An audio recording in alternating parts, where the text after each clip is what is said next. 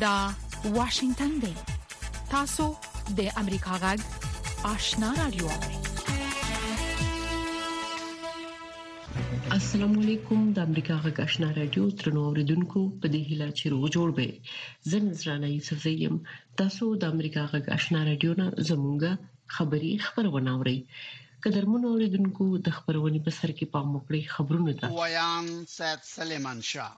په افغانستان کې د بشري حقوقو د څار لپاره د ملګرو ملتونو ځانګړي ریپورټر ریچارډ بنت ویلي که څه هم چې طالبان په ملګرو ملتونو کې د افغانستان د څوکۍ ترلاسه کولو هڅه کوي خو هغوی دغه هدف ته هغومره نه دي نږدې څومره چې یو یا دوه کاله پخوا ورته نږدې شوي له امریکا غږ سره په مرکه کې ښاغلي بنت ویل په ځانګړي ډول په خزو او نجونو د طالبانو محدودونه د دې وضعیت لامل شوی دی هغه ویل افغانستان د یوازنې هواد دی چې نجونو ته خوندې او پانتون ته تلو اجازه نشته یوازې د خزو او نجونو په وړاندې تعصب نه دی بلکې د مذهبي او توکمیزو لږکیو او مدني ټولنې په وړاندې هم تاوتریخوالی روان دی د طالبانو د واکمنۍ د دوه کلونو په پوره کېدو هم مهاله د ملګرو ملتونو د غاستاز وویل چې په افغانستان کې په ټوله کې د بشري حقوقو څخه قدم په قدم او ډېر جدي سرغړونې شوې دي متي الله عبد امریکا غږ آشنا رادیو دا واشنگټن دی د کندوز ولایت د پولیسو ویاند جمال الدین خاکسار وایي چې د هغه ولایت له مخدره موادو سره د مبارزې پخوانی مشر سمیع الحق د چهارشنبې پر شپه د خپل امنیتي ساتونکي لخوا د سپینزر په هوټل کې وویشتل شو او وژل شو د سم د سمیع الحق د وژلو ویډیو له تیرو دوه ورځو نه په ټولنیزو رسنیو کې ګردش کوي د طالبانو د حکومت د ترانسپورت او هوایي چلن وزارت وايي چې د 2001 لمریز کال په اوږدو کې د افغانستان له فضا نه 25 زرونه زیاتې عبوري الوتنې ترسره شوي. د دغه وزارت د پالیسۍ مرستیال حسیب الله سروش د پنجشنبې په ورځ د زمري په شپاړسمه په کابل کې په یوه خبري کنفرانس کې وویل چې دا مهال په هرو څلور ساعتونو کې د افغانستان له فضا نه تنوي پورې عبوري الوتنې ترسره کیږي.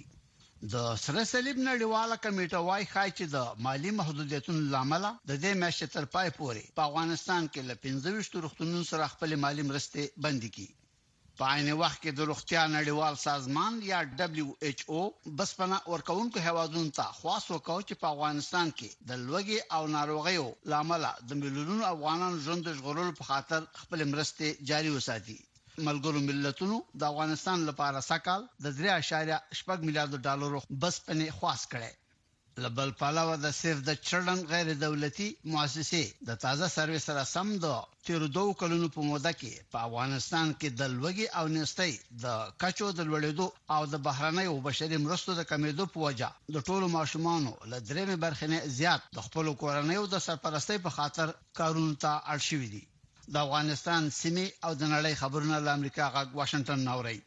د پاکستاني رسنیو د رپورټ لمخې یو بي پلوټه پاکستاني ډرون د ننګرهار ولایت د لالپوري ولسوالۍ سره څیرمه په برید کې د تحریک طالبان پاکستان مربوط د جماعت الاحرار یو غړی اسد افریدی په نخښه کړی او وژلی ویل کیږي چې د نوموړي څو تنه نور ملګري هم ژوبل شوي د پاکستاني رسنیو د خبر له مخې، نامعلومو وسله والو د خیبر پښتونخوا صوبې د پولیسو یو افسر په پېښور کې وویشته او ټپي یې کړ. د ایران د بهرنیو چارو وزیر حسین امیر عبداللهیان له سعودي عربستان سره د خپل هېواد د اړیکو د بهتر کولو په منظور هغه هېواد ته د سفر په دوران کې له خپل سعودي سیال شهزاده فیصل بن فرحان ال سعود سره ملاقات وکړ.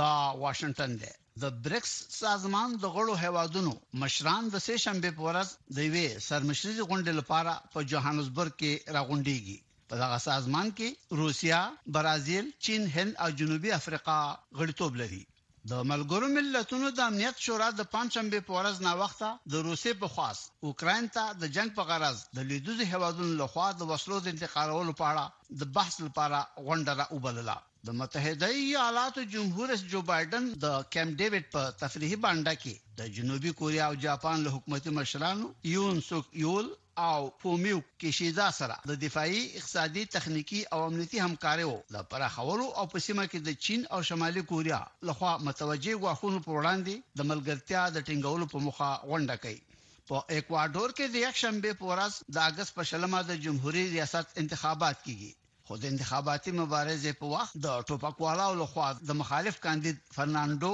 ویلاویسچینو له وژل کېدو وروسته په هغه هېواد کې وضعیت بدل شوی. حکومت د فرناندو د قتل په ځواب کې بیړنی حالت اعلان کړ. د امریکې د کینساس ایالت مدعي العموم ویلي چې په دې اونۍ کې د هغه ایالت د ماریون کاونټي اونیزې ورځپاڼې پر دفتر باندې د چاپې وهلو لپاره له پولیسو سره کافي شواهد موجود وو. دغه اقدام امریکايي مطبوعات وارخطا کړي او د سپینې ماڼۍ توجه یې هم راجلب کړې. دا و د دې ساعت خبرونه چې تاسې د امریکا غږ واشنګټن نه واورېدل. د امریکا غږشنا رادیو درنو اوریدونکو تاسو خبرونه واوریدل پام وکړئ زموږه د خبرونې لومړی رپورت ته.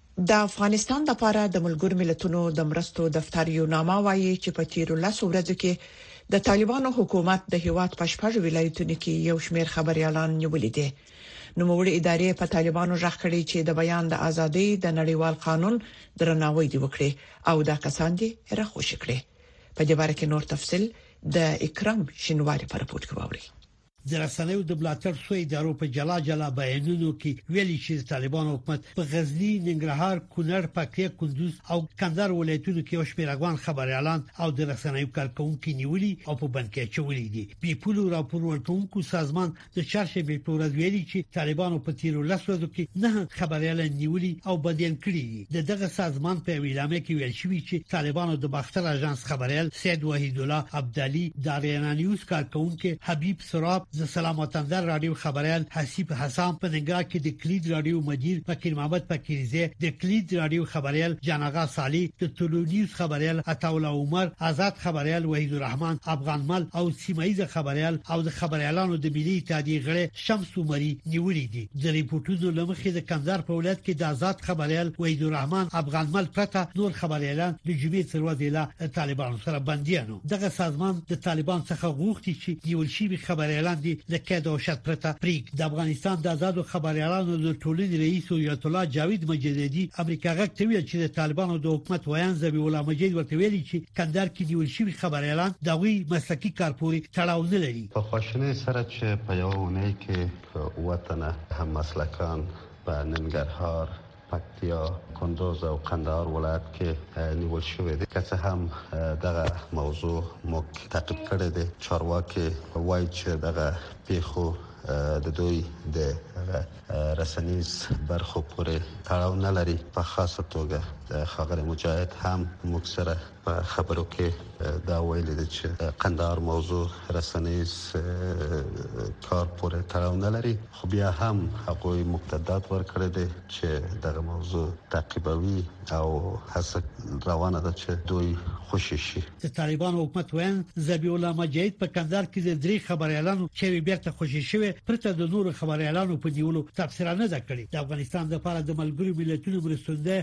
پلاوي دفتر یوناما د پنځشنبه په ورځ په اعلامیه کې ویلي چې د دغو خبريالانو سربېره دوه تنه نور چې افغان ولس له فرانسوي خبريال مرتضی بهبودي او د جنو د زکړو ملاتړي او د قلملر د ټولنې مشر متي الله ویسا چې طالبانو د روان کال په لومړي کې نیولي لا هم په زندان کې ورسره شپې ورځې تیري یوناما په دغه اعلامیه کې د طالبانو حکومت چارواکو یادونه کړې چې د نړیوالو قوانینو لاندې خپل مکلفیت ته پاملرنه وکړي او د بیان او نظر د څرګندولو حق څخه دي ساتنه او درناوی وکړي نامه ویلي شي د دې ترڅنګ ټول نیول شوي کسان باید خپل کورنۍ غړو سره د لیدلو او د وکیل نیولو ته لاسرسي ولري د افغانستان د آزادو خبريالانو ټولنې رئیس حجت الله جاوید مجددي هم د طالبان څخه غواړي چې د افغان خبريالانو سره دي خپل هر ډول چلند د رسنیو د سرغړونو د کمیسیون لاري تر سره کړي زموږ غوښتنه وار وار همدا ده چې که چیرې دغه موضوعات رسنیز بنه ولري خو د تخطیو کمیسیون چې دوه ورځې مخکې دویم کال پیل شو او هلته د مختلفو ټولنو استازي او د رسنیو استازي د هغوی تر نظر لاندې دغه پیښو وڅېړل شي او که چېرې بیا هم رسنیز بنه ونه لري خو باید هغه موضوع په داګه شي رسنیز شي تر څو رسنیز تولنه دینه اغیزمن نشي هغه موضوع باندې پوه شي او رسنیز تولنه باندې بد اغیز ونه کړي. طالبانو د دغو خبریالانو د نیولو سربېره د ننګرهار په ولایت کې نږدې دوه اونۍ وړاندې د همیشه بهار په نوم یو سیمه ییز تلویزیون او د نن په نوم یوه سیمه ییزه راډیو او د ځوانانو د راډیوي خپرونو د سپو خپرونکي دستګاه هم وتړلې که سم د نن راډیو سټیشن او د ځوانانو د راډیو د سپو خپرېدونکي دستګاه ته د بیرته خپرونو د پیل اجازه ورکړل شوې خو د امیر شاه بهار تلویزیون لا هم تړلی دی. تر اوسه د افغانستان سیاسي ګوندونو د طالبانو د حکومت دې پریکړې ته غبرګون نه دی ښودلی. د بدلون پر مهال کله چې د نړۍ وضعیت څرګند نه وي او کله چې اوریدل له عیني واقعیتونو سره سمون نه خوري، موږ په حقیقت پسې ګرځو. کله چې موږ ته د یوې موضوع یوازې یو اړخ بیانیږي، نو باور بایلو.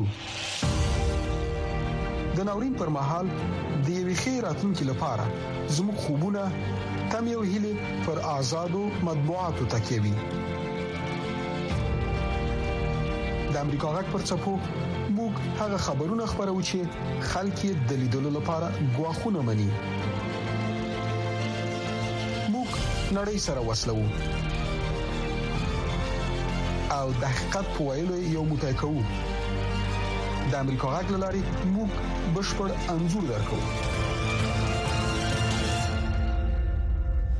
د طالبانو حکومت په افغانستان کې د سیاسي ګوندونو فعالیت په مطلق ډول بند اعلان کو د طالبانو د عدلیې وزارت سرپرست عبدالحکیم شری ویلي چې په ګوندونو کې د ملت ګټې خوندې نه دي د طالبانو د عدلیې وزارت وايي د نوي اساسي قانون په جوړولو هم کار کوي او مکړې دی رپورت ته د طالبانو د عدلی وزیر مولوی عبدالحکیم شرعی په کابل کې ملت ته د حکومت د حساب ورکولو د پروګرام په لړ کې ویلي چې سیاسي ګوندونه نه شرعي بڼه لري نه د ملت ګټې پکې خوندې دي او نه هم ملت غواړي سیاسي احزاب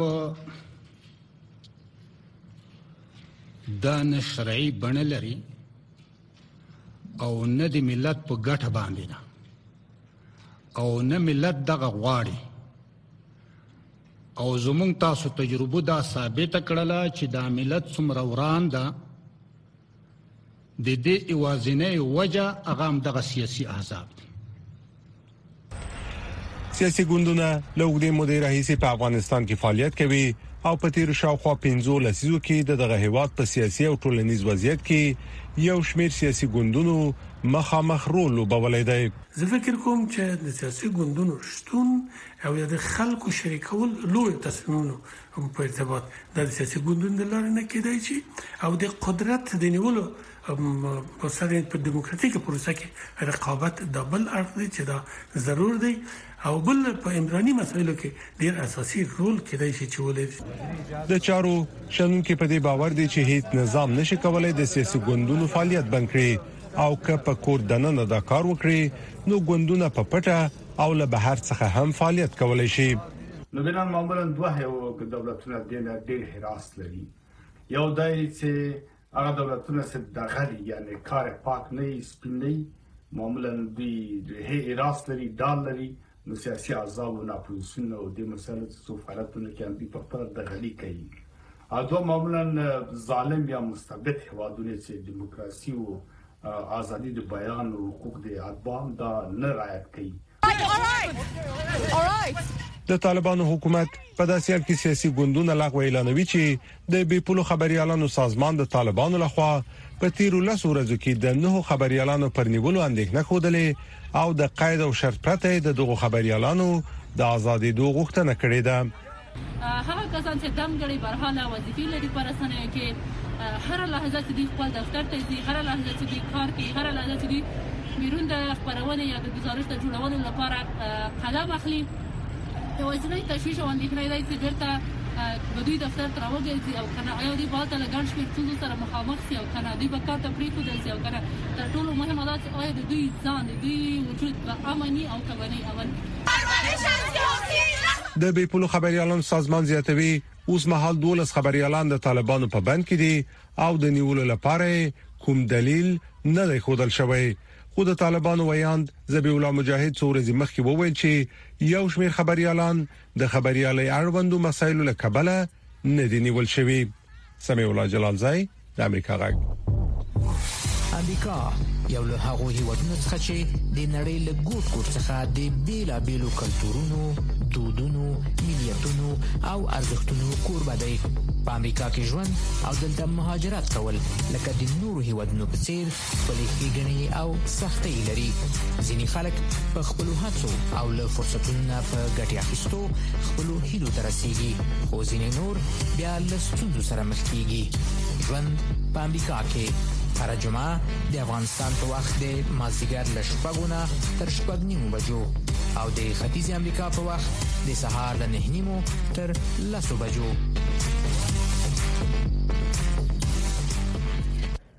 تیر یو کال په افغانستان کې د مذهبي اقلیتونو وګړو ته ډیر ځاني زیانونه اوښتي یو شمیر د سیاسي قدرت اقتصادي چاپیریال او ټولنیز نقش محروم شوي او ځینو د مذهبي مراسمو په وخت کې خنړی بریدونه شوي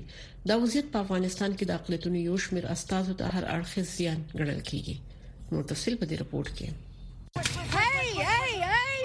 په افغانستان کې د حاکمو طالبانو پرته نورې ډلې هم شته چې په یو او بل نوم ظلم کوي زیان رسي او پر مشخصو اهدافو بریدونه کوي د بشري حقوقو په دې سرغړونو کې ځنې د سیمایي حاکمانو صحرایي محکمې قبيلوي دودونه د زورواکو خپلسره پرېکړې او د جنايي ډلو له خوا زیانونه رسول شامل دي. طالبان در این دو سال ظرفیت ارائه ساده ترین خدمات اجتماعی را برای مردم نداشته است اما در مقابل نقض آشکار حقوق بشر، ناپدید شدن کارمندان دولتی،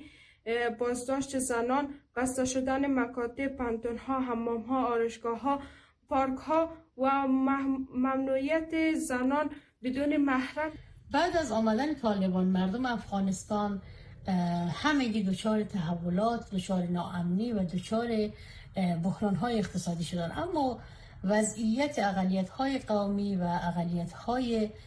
مذهبي بحران تر هست او د هزاره اقلیت پر ضد د وژونکو بریدونو په شمول مذهبي او قومي اقلیتونه د تبعیض او ظلم سره مخ دي په چارو کې د اقلیتونو ونډه د دوی سره د غړیتوب او همکارۍ په تناسب ده هر طالب له هر قوم څخه چې وي صلاحیت لري او په خپل ساحه کې هر څه چې وغواړي کولای شي سیاسي او ټولنیز فعالیتونه کمرنګ دي اقتصاد کمزوری دی کار نشته ځوانان بیکار دي متقاعدینو ته څوک حقوق نه ورکوي له همدې وجې هر څوک هڅه کوي چې له هیواده بهر لاړ شي په دې ظلمونو کې مسلسل وژنې او خونړۍ حملې جبري لادرکه کېدل، عمدي زنداني کېدل او شکنجې شاملې دي. د مذهبي دې ورځو تجدید هم نه شو کولای په اوس وخت کې او په وادو کې خپل ودونه چې موږ لرو هغه ډول او موسیقي نه هم استفاده نه شو کولای خو خیر دا خو د پیشاتو خبرې دي په عامه توګه موږ سره دا شین باندې لکه ټول افغانستان کې باندې هغه ګلا باندې کوو خو راغلو د تعلیم په برخه کې هم موږ په تیر د دوه کلونو تر نن پورې اسلامي امارات په دې ونه تندلو چې دی یو برخه یو زمينه برابره کړي خلکو لپاره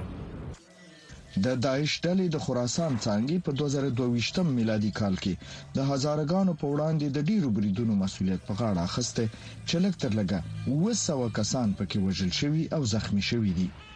د اپرېل په نولسمه د داعش ډلې د خراسان څانګې د کابل په لویدیځ دشت برچي په یوه لېسه کې د یو ځانمرګي برید مسوولیت واخیستو چې شل تنه زده کوونکي، ښوونکي او کارکوونکي یې ووژل او زخمیان کړل. دوه ورځې وروسته یې د مزار شریف په سې دکان جومات کې د برید مسوولیت واخیستو چې یو دېرش کسان یې ووژل او اووه اتیا نور یې زخمیان کړل. د اپرېل په اووه ویشتمه ناپېژاندو وسلهوالو په سمنګان کې د درې صوف د ډبرو سکرو کان ته پر لاره پنځه هزاره ګان ووژل. د سپټمبر په دېرشمه د کابل په لویدیځ کې د هزاره میشتو سیمو په یو تعلیمي مرکز برید وکړو چې دري پنځوس تنه په کې ووژل شو او تر سلو زیات زخمیان شو.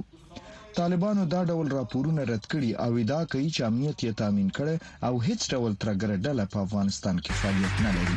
طالبانو د افغانستان له دننه د امریکا غږ راډیو خبرونه درولې دي. خو امریکا غږ په پوره ژمنتیا خپل افغان اوریدونکو ته په پښتو او دری ژبو د کره باوري او هر اړخیزو خبرونو په خبرولو د افغانستان له بهره په 902 کیلو هرتز منځنوي سپو خپل خبرونه ته دوام ورکړي د دې ترڅنګ تاسو کولی شئ چې زموږ پښتو خبرونه په لاندو ټکو هم واورئ پښتو سهارنې خبری خبرونه پر وزارت 290.0 ټکو اوریدل شي ما خبرنې پښتو خبرونه په 2040.0 2015.0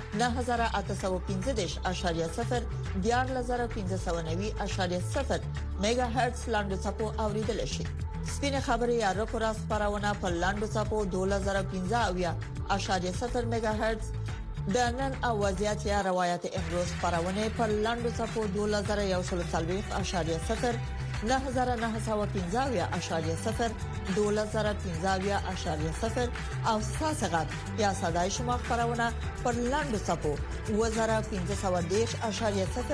9315 میگا هرتز اوریدل شي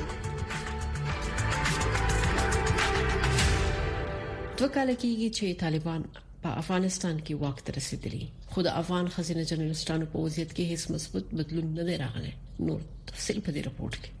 د طالبانو یو ستر وار په ښځینه خبریالانو دا و چې د ټلویزیون په پرده د لوڅ مخ سره نشي راښکاره کېدلای چې دا بندیز لا هم دوام لري سنم وزیري چې په خوا په ټلویزیون کې د ویاند پایس کار کاوه داسې وایي اسلامي امارت چې کله واک ته ورسید نو لمړی دوی وویل چې باید خزینه خبريالان نه دي خبرونو په جریان کې باید له ماسک څخه استفاده وکړي چې دا ډیره سخته ده ځکه یو نطاق چې یو ساعت دوه ساعته دوی خبرونه وړاندې کوي بدون د وقفې څخه دوی ماسک یعنی په خپل باندې چې دغه زموږ لپاره ډیره سخته تمامېږي د رسنیو د ملاتړ د نړیوالې شبکې د موندنو په اساس د طالبانو د بیا واک ته رسیدو مخکې افغانستان کې 14 وکړه ځینې ژورنالیستان او د رسنیو کارمندان په کار بوخت دي چې اوس یې شمیر او شپږ سلنه راکم شوی او تقریبا نه سوتنو یې خپل وظیفې له لاس ور کړې دي شاملا نیازي یو بل ژورنالیست ده چې په ټلویزیون کې کار کاوه هغه وایي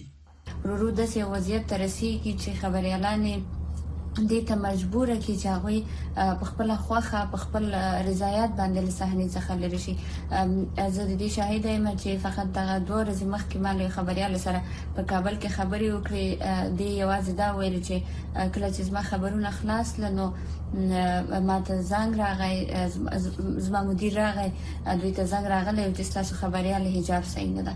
خو د افغان خځینه خبريالان او ژورنالیستانو کړهو د کار پرې خودونه ورسته هم ختم شوی نه دی او اوس دوی له خپل هواده یو امن هوا ته د رسیدو په تکل کې له یو ناڅرګند حالت سره مخامخ دي ملاله چې پخوا خبریاله وه خپل نظر داسې څرګندوي. هغه خبریالانې چې غواړي له هېواد څخه بهر راووځي هغوی هم ډېر په کړکېچن حالت سره مخ دي. هغه خبریالانې چې ګاونډي هېوادونو ته تللي دي او غواړي چې د بهر هېوادونو ویزې ترلاسه کړي هغوی هم ډېرو ستونزو سره مخ دي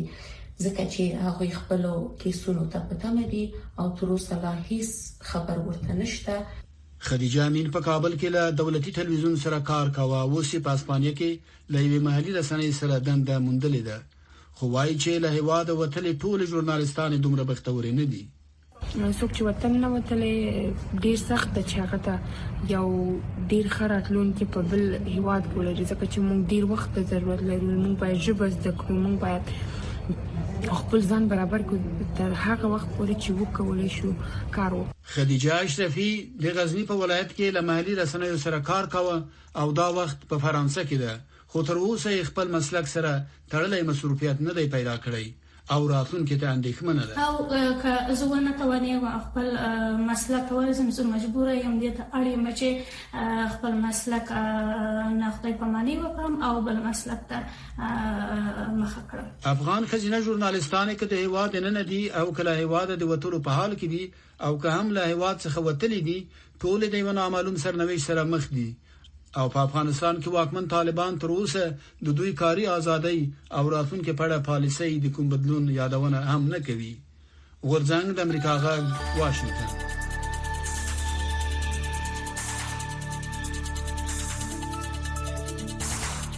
درنو اوریدونکو دا د امریکا غږ سم مقاله ده چې د امریکا د حکومت نظر څرګندوي د جمهوریت ریاست د ګارد د غړو لخوا د جولای د میاشتې په شپږشتمه نیټه د نیجر په دیموکراتیکه طریقه انتخاب شوی جمهور رئیس محمد بازوم توقیف کړو چې ورسته په ماښام مهال د حکومت د نیولو اعلان وکړ د بهرنیو چارو د وزارت مرسته سرپرست وکټوريا نولا د نیجر ته سفر وکړ چې په نیجر کې د دغه پرمختګ په اړه کې د امریکا جدي اندېښنه څرګنده کړه او کړه کزمنه چې د دیموکراسي او د اساسي قانون د نظم ملاتړ کوي امریکا د جمهور رئیس بازوم د ده د کورنۍ او ټولو هغو کسانو چې د اساسي قانون نه په غیر د کوشش د یوې برخې په حیث قدرت ونیسي د سمدستي خوشي کولو لپاره غوښتنه وکړه. نیجر په لویدیځ افریقا کې ستر هیواد دی او د هغې سیمې برخه ده چې د ساحل په حیث شهرت لري، د ځمکې یوه لیکه ده چې له اوقیانوس سمندر نه تر سرې بحیرې پورې غځېږي، نیژیر د هغو بېلابېلو اسلامي ډلو په خلاف چې یا د اسلامي ډلې یا د القاعدې سره ارتباط لري، د ترورېزم ضد یو باوري انډیوال دی. په یو لحاظ نیژیر فرانسوي او امریکايي پوځ ته بېسونه ورکړي دي چې د ترورېزم په خلاف جنګ کې مرسته وکړي د بهرنیو چارو د وزارت د مرستل سرپرست نولاند د نیجر د مدني ټولنې او په جلا توګه د هغې ډلې د غړو سره ملاقات وکړ چې په نیجر کې قدرت یې ونیو چې داعي شرح کړه چې هغه څه په خطر کې دي چې نيجر د خپل اساسي قانون د نظم احترام ونه کړي او نه په دې کې په اقتصاد کې د سلګونو ملیونو ډالرو بالقوه تاوان او د نيجر د خلکو لپاره امنیتي ملاتړ شامل دي د بهرنیو چارو د وزارت نطاق ماتیو میلر نو ویلي امریکا ته د قانون لمخې په کار ده چې د نېژر په حکومت خارجي او نظامي مرسته بنده کړي که په رسمي توګه باندې بندیزونه باندې ولګول شي دغه مرسته به حکومت ته په پرمختیايي مرسته حکومت ته امنیتي مرسته تاثیر وکړي امریکا د اوس لپاره پریکړه وکړه چې د نیجر د حکومت لپاره ځینې مرستې بند کړي په داسې حال کې نطاق میلر په یوه لیکل شوې وینا کې ویلي، وضع بهانده ده.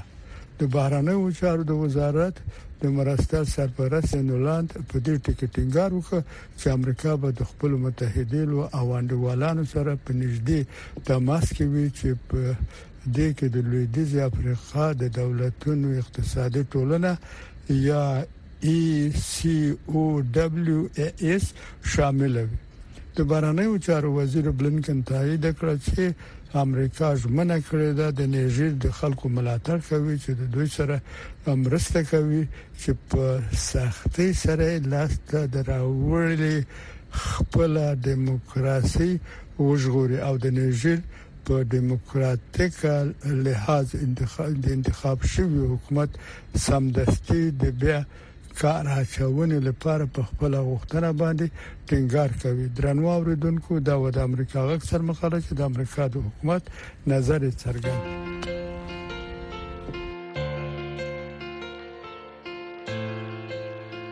قدرمن اوریدونکو تاسو د امریکا غږ آشنا رادیو نه